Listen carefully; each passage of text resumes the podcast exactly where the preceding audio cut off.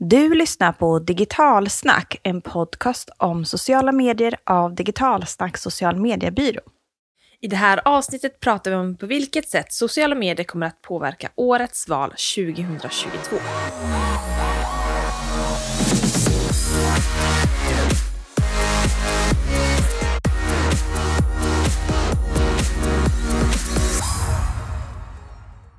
Hej! Det här är ännu ett avsnitt av Digitalsnackpodden. Podden som ger dig kloka inspel kring sociala medier och aktuella händelser.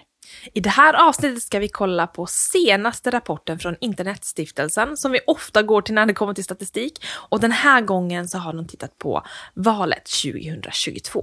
Mm, och sen har vi tagit del av massa spännande data kring vilka partiledare som just nu skapar mest buzz i sociala medier. Och som vanligt är det jag, Jenny Lapti och Jag, Cecilia Victoria Kärrberg, som pratar i den här härliga podden. ja, det är vi som äger och driver Digitalsnack social mediebyrå som hjälper företag och organisationer att ja, lyckas på sociala medier. Mm, och det är därför man också hör av sig till oss om man vill bli bättre på sociala medier än vad man är idag.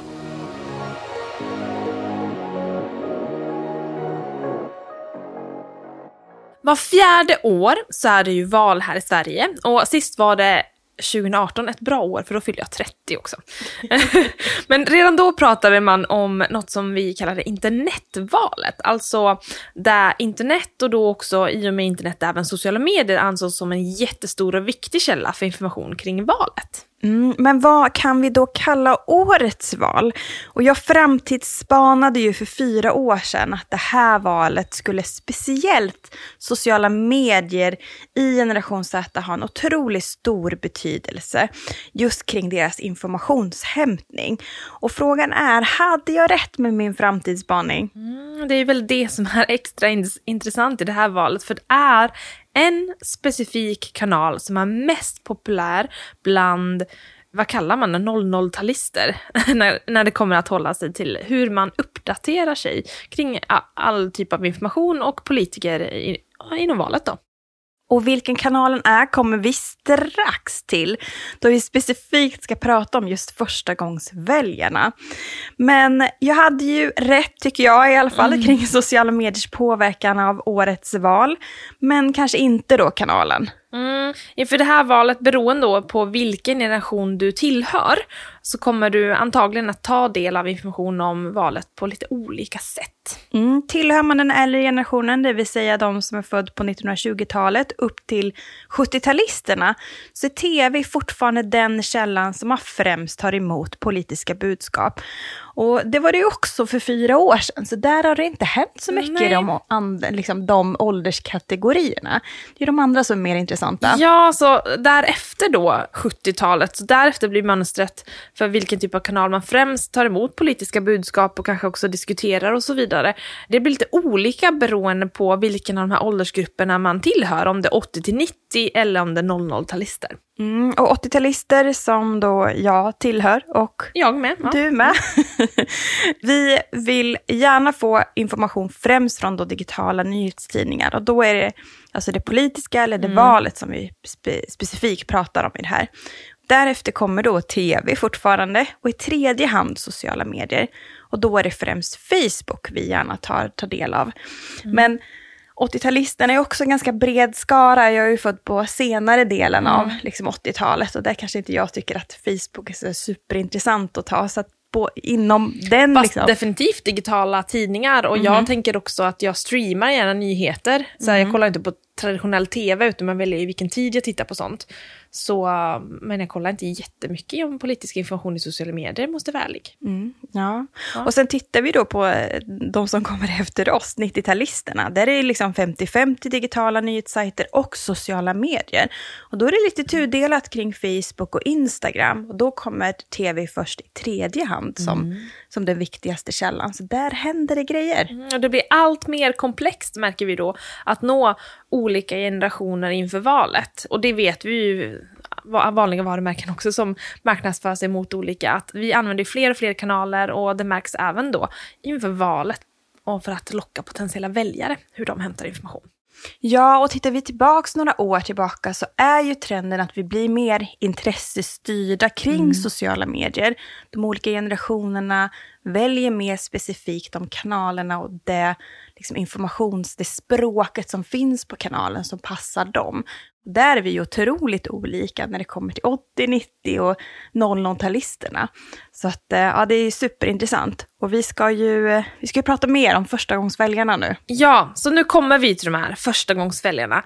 Och frågan är, hur tar just de del av information kring politik? Mm, och där är i toppen då sociala medier. Och därefter kommer digitala nyhetstidningar. Och sen tv, det är bara 19 procent som eh, av, som liksom gillar att ta del av politiska budskap via tv. Det är en jättestor skillnad från ja. de andra generationerna. Om vi jämför, hur många procent är det då som hämtar via sociala medier så att vi får lite skillnad? Då är det ju hela 44 procent mm. från sociala medier och 19 procent på tv. Det är ju en jättestor skillnad. Mm. Och jämför man dem då med 20 och 30-talister där hela 88 procent tar del av politisk information via tv och så därifrån dalade ner då till 70-talisterna där själva brytpunkten finns. Men det är ganska stor skillnad mellan 88 procent och 19 procent. Ja, ja. ja, det är otroligt. Och um, 2018, för fyra år sedan, då var Facebook, Twitter och YouTube de sociala mediekanaler som första gångsväljarna rankade som de viktigaste när det kom till politiskt innehåll. Men fyra år senare, da, ja, da, da, då är det helt eh, annan kanal helt i topp. Och den här fanns inte ens på listan 2018. Jag tror vi båda blev lite förvånade när vi såg den här. Mm. Och vilken kanal är det då? Instagram. Instagram. Ja. ja. Det är ju väldigt intressant. Och jag skulle ju, vi pratade lite, du själv sa ju det, att jag tar nog som 80-talist kanske inte del av så mycket politiskt mm. innehåll i mina sociala kanaler. Och jag för min del är Instagram den här inspirationskällan och motivationskällan. Där skulle inte jag vilja ha politiska budskap. Nej. Så att det blir också så otroligt så vattendelare mellan de här olika generationerna. Vad svårt det kommer vara att nå ut till de här så specifikt. Ja, jag tycker alltså det är så stor skillnad. Men som du säger att man använder kanalen till någonting annat och politik hör inte hemma där. Visst kanske man kan se någon annons, men nej, att jag aktivt skulle välja att ha det i mina kanaler. Jag har så svårt att se det. Det är därför jag också så svårt att förstå att någon annan skulle hämta information från den här kanalen. Men vi har ju det svart på vitt. Ja. Så är det. Instagram är ju nummer ett-källa för en del av de här användarna. De första gångsväljarna. Mm. Och det bevisar helt enkelt att olika generationer kommer framöver ha egna olika kanaler där de tar del av olika typer av innehåll och kommunikation. Mm. Och då är frågan då, hur kan partierna nyttja det här? Eh, det kan man ju ställa sig.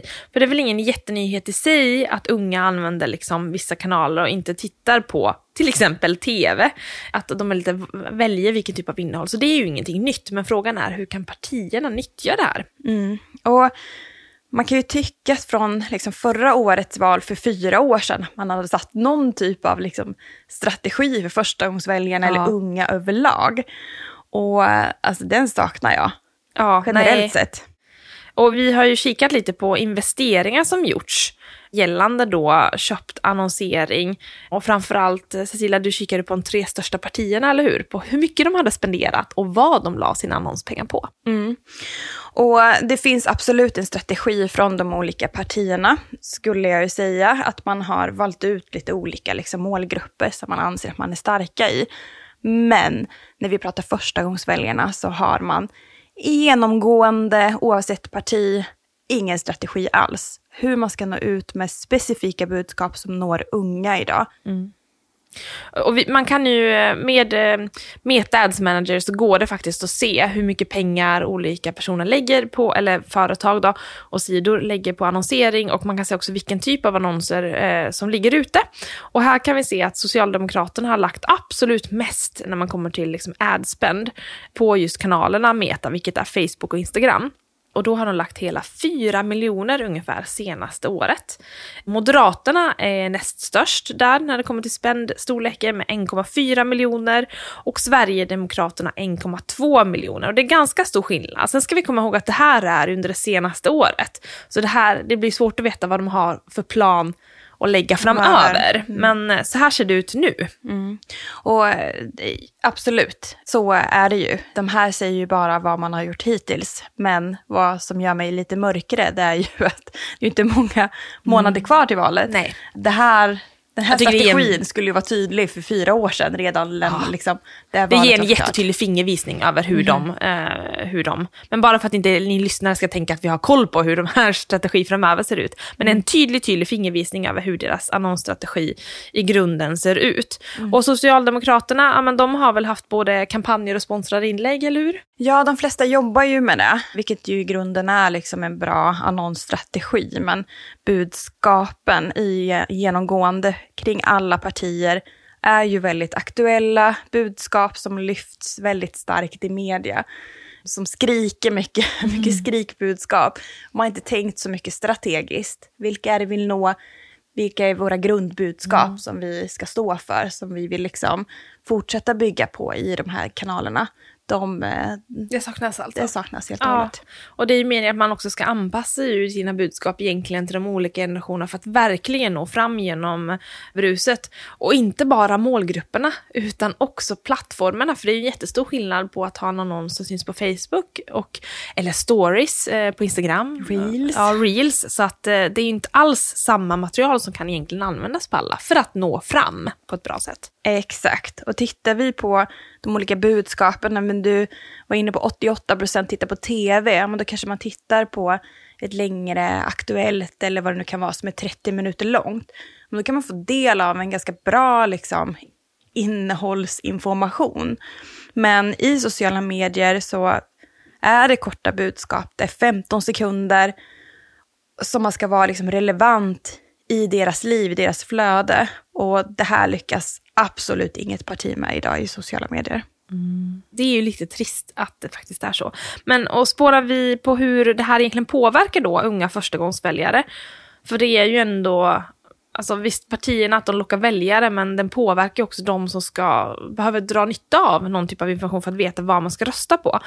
Så är det ju de som ändå letar information på Instagram, de kommer ju få lite svårt kanske att få upp allt de behöver veta för att kunna ta ett bra val.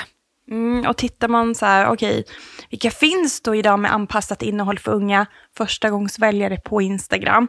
Ja, men då är ju det influencers. Och det ser man även i den här rapporten som Internetstiftelsen tagit fram, där man har frågat olika generationer hur och vad, vilken typ av politiskt budskap man har tagit del av. Och just förstagångsväljarna pratar väldigt mycket om, ja men jag såg en debatt liknande från min influencers, alltså mina favoritinfluencers som hade pratat om det här. Så att det är ju de, de litar på och kan anpassa liksom det här innehållet. Och här har vi då Margot Dietz, kanske man säger, som har lyft den här partitempen för nu andra gången då, gjorde det även för fyra år sedan. Och den publiceras ju på egentligen YouTube, men hon, hon lyfter den ju på Instagram. Och även Therese Lindgren som har skapat Therese och valet i år, som också är en YouTube-serie, men hon pushar den ju också på Instagram. Så på något vis så pratar hon ju med följarna på den plattformen. Mm. Och en annan kanal som unga använder är ju TikTok. Den har ju exploderat de senaste åren och det blir också viktigt att ha en närvaro där. Och när vi gör en enklare liten granskning på TikTok så kan vi hitta att Moderaterna har en en väldigt aktiv sida med lite över 2000 följare. Men söker man ytterligare så är det svårt att hitta någon sida som är aktiv, eller någon profil som är aktiv. Och det kan, behöver inte betyda att det inte finns någon sida som är aktiv, men om det finns någon så är de inte så sökbara i så fall, att det är svårt att hitta dem. Så Moderaterna är väl enda de som vi kan direkt se att har gjort läxan på TikTok. Ja, i alla fall Till det vi kan se. är aktiva fortfarande på TikTok. Ja, de om- behöver kanske upp, utveckla sitt sätt att finnas på TikTok, Exakt. men de har hittat till kanalen i alla fall, så det Ja, får de en klapp på axeln för. Exakt. Och jag vill göra en ny framtidsspaning igen då för de kommande fyra åren. Och då hoppas jag ju att partierna lyssnar kanske den här gången då. Men nästa vals förstagångsväljare kommer definitivt ha politiskt innehåll, eller ta del av politiskt innehåll, främst då via TikTok tror jag. Så att det är väl bra att redan nu arbeta fram en kanalstrategi med relevant innehåll. jag tror vi säger det ganska många i den här podden, men det är ja. så sjukt viktigt. Och det är väl det som jag kanske att Moderaterna inte riktigt fått till. De har inte anpassat sig riktigt till kanalen. Mm. Och med tanke på då att 13 procent av förstagångsväljare enligt då Internetstiftelsens undersökning ändrat sin politiska inriktning efter att de har tagit del av information på nätet, då känns väl det här väldigt relevant och viktigt att eh, förstå och anpassa sin strategi för hur man ska nå unga kring politik i sociala medier.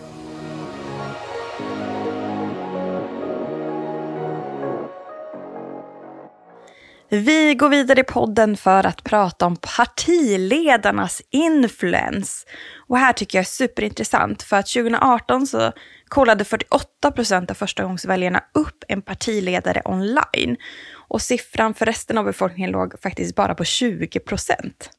Och i årets rapport från Internetstiftelsen så fanns inte den här frågan med längre och då kan vi ju inte riktigt jämföra utan vi kan mest utgå från den data som eh, presenteras 2018 och, och det vi vet kring ungas beteenden. Men allt fler kollar in partiledare i sociala medier, att man söker upp information kan vi ju anta. Mm. Och eh, definitivt, och ett tips här till alla partiledare är ju att se över sin så här, första känsla på sina sociala mediekanaler. Och framförallt då Instagram eller plattformar där förstagångsväljarna i första hand då kommer att kolla in. Och um, hur tycker du den här känslan ser ut om man kollar några partiledare? Mm, vi kan väl liksom titta på de här tre största partiernas liksom ledare. Och då är det ju Magdalena, Ulf och Jimmy. De har lite olika strategier när det kommer till deras liksom personliga profiler på då framförallt Instagram. Magdalena och Ulf kör då en mer så personlig inriktning, medan Jimmys Instaflöde är verkligen en blandning av ganska oklara bilder och även lite så tidningsutklipp. Och tittar vi på de främsta liksom, tre virala inläggen från Magdalena så har alla varit ett bild på henne med ett budskap som då generation Z gillar. Mm. Mm. Det är liksom positivt budskap, där vi skapar saker tillsammans och inte så mycket de här kanske typiska hatbudskapen som många kör med när det kommer till politiska budskap i liksom alla medier. Och det är här också en stor skillnad är, som man behöver tänka på när man når ut till förstagångsväljarna. Hur man skriver innehållet. Eh, där ser man svart på vitt igen eh, vad som gäller. Och deras, eh, alltså partiledarnas influens, alltså hur mycket de kan påverka andra på just Instagram, det här kan vi hitta data om på Bumblewing. Och kikar vi så vinner ju Magdalena alltså en helt klar och tydlig seger över de andra. För hennes engagemang har liksom pikat under mars till exempel. Och under den här månaden har det andras engagemang sjunkit istället. Så Magdalena har gjort någonting bra på Instagram jämfört med de andra. Mm. Och de tre politikerna som är bäst på att engagera sina följare på Instagram är Magdalena, Ebba och Ulf. Men precis som du säger, Magdalena är liksom en klass för mm. sig. Mm. Efter att man har hittat just det här receptet för vad som verkar funka för henne. De andra kan du kanske ta lite inspiration kanske. Och förutom att engagera och få en bra spridningseffekt i sociala medier är ju det väldigt eh, viktigt att kontot känns liksom genuint och mänskligt och att deras eh, budskap når fram. Så det här är också någonting man behöver se över. Mm, budskap som unga gillar har vi ju pratat om. Det är det som är äkta. Det ger en positiv framtidstro och som också ibland har lite glimten i ögat. Just att man förstår personen bakom rubrikerna, att den riktiga människan och inte de här valbudskaperna som man vill trycka ut. Mm. Det är så stor skillnad på att kommunicera i sociala kanaler. Sen har vi ett nytt format som inte fanns 2018 och det är ju reels, eller rullar som det också heter på svenska, som finns på Instagram. Så fult namn. Ja, men det är ju TikTok-inspirationen då på Instagram helt enkelt. Och de här får ofta en, en mycket större organisk spridning utanför ens egna följarskara. Det är väldigt typiskt för reels. Och den här innehållsformen har inte plockats upp än av många statistikverktyg, alltså tredjeparts analysverktyg, så det går inte riktigt att se eller mäta hur pass bra det går. Men baserat på det man kan se offentligt när man är inne på, på de här, är ju att vi kan se att Magdalenas reels, alltså hon toppar ju här igen, mm. hennes har fått längst räckvidd. Och ett har nästan fått upp till en miljon visningar, vilket är helt sjukt mycket. Mm, det är supercoolt. Och hittills verkar det också som att partiledarna själva når ut till en större publik med sitt innehåll än de här influenserna som vi pratar om. Så det verkar ju vara att Reels ändå går hem hos liksom, målgruppen, men att man går budskapet verkligen fram bara för att man får visningar? Det är ju det som är frågan ja. liksom, inför valet. Och det är också en fråga här om då Margot eller Therese har de nu valt fel plattform kanske för att kommunicera valbudskap? Youtube fanns på listan som en av de liksom mm. främsta sociala mediekanalerna för fyra år sedan. I år är det Instagram. Ja, vad tror du? Jag tror att det har bytt. Alltså i och med att reels kom så har Instagram vunnit liksom en ny eh, andel följare. Att den unga målgruppen som tidigare var helt klart använde YouTube mest, de kanske hittar tillbaka lite till Instagram. Så vi får se. Mm. Tror du att med Magdalenas super, super sociala skills här på sin liksom Instagram-profil, mm. att det kommer locka många förstagångsväljare? Definitivt. Alltså jag tror, eh, och speciellt hon verkar ha en personlig framtoning i sitt också. Och de unga tittar ju väldigt mycket på att man ska vara genuin och eh, ha en människa framför sig och så vidare. Så det tror jag kan gå hem. Och baserat på den data vi har sett hittills, om inte då, det är ju några månader kvar till valet och mycket hinner hända, att andra kanske tar igen och inspireras av det här och hittar en liknande taktik. Men jag tror eh, hon har säkert övertalat redan några stycken som idag, just nu, kanske kan tänka sig rösta på Moderaterna. Och du är ju från Finland ja. och uh, vi, vi, har en kvinnlig finsk uh, statsminister, statsminister ja. som också trädde i en skinnjacka som fick uh, otroligt stor spridning i sociala kanaler. Är det också liksom ett grepp att ta för att nå förstagångsväljare att visa en mer liksom härlig approach i sociala kanaler? Att man kan skippa kavajen, dra på sig skinnjackan på presskonferensen? Ja, varför inte? Alltså jag tänker att de unga kanske är trötta på det här dammiga gamla. De vill också vara intresserade och veta saker. Och jag tror att de unga bryr sig inte lika mycket om hur du är som person. Du behöver inte vara en, um, vara stöpt i en och samma form, utan vi alla är ju olika och har olika smak. Och sen så kan vi ha åsikter om saker och ting. Och det är ju det som spelar roll, vad som finns på insidan och att man har mindre fokus på hur man ser ut på utsidan. Mm, och det måste komma fram oh. i sociala medier. Verkligen. Spännande. Vi får, se, vi får göra en återkoppling på det här efter valet. Får vi Verkligen. se hur resultatet blev.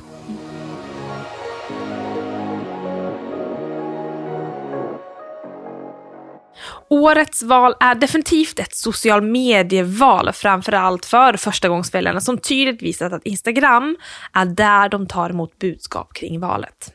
Hur partier och partiledare nyttjar detta till sin fördel är fortfarande lite oklart utifrån dess organiska och köpta innehållsstrategi. Att man inte kommer längre kring det här 2022 är för mig ju helt ofattbart, mm. tyvärr. Det krävs ju ännu mer skräddarsytt innehåll för de olika kanalerna och de olika generationerna för att faktiskt nå fram. One message does not fit them all.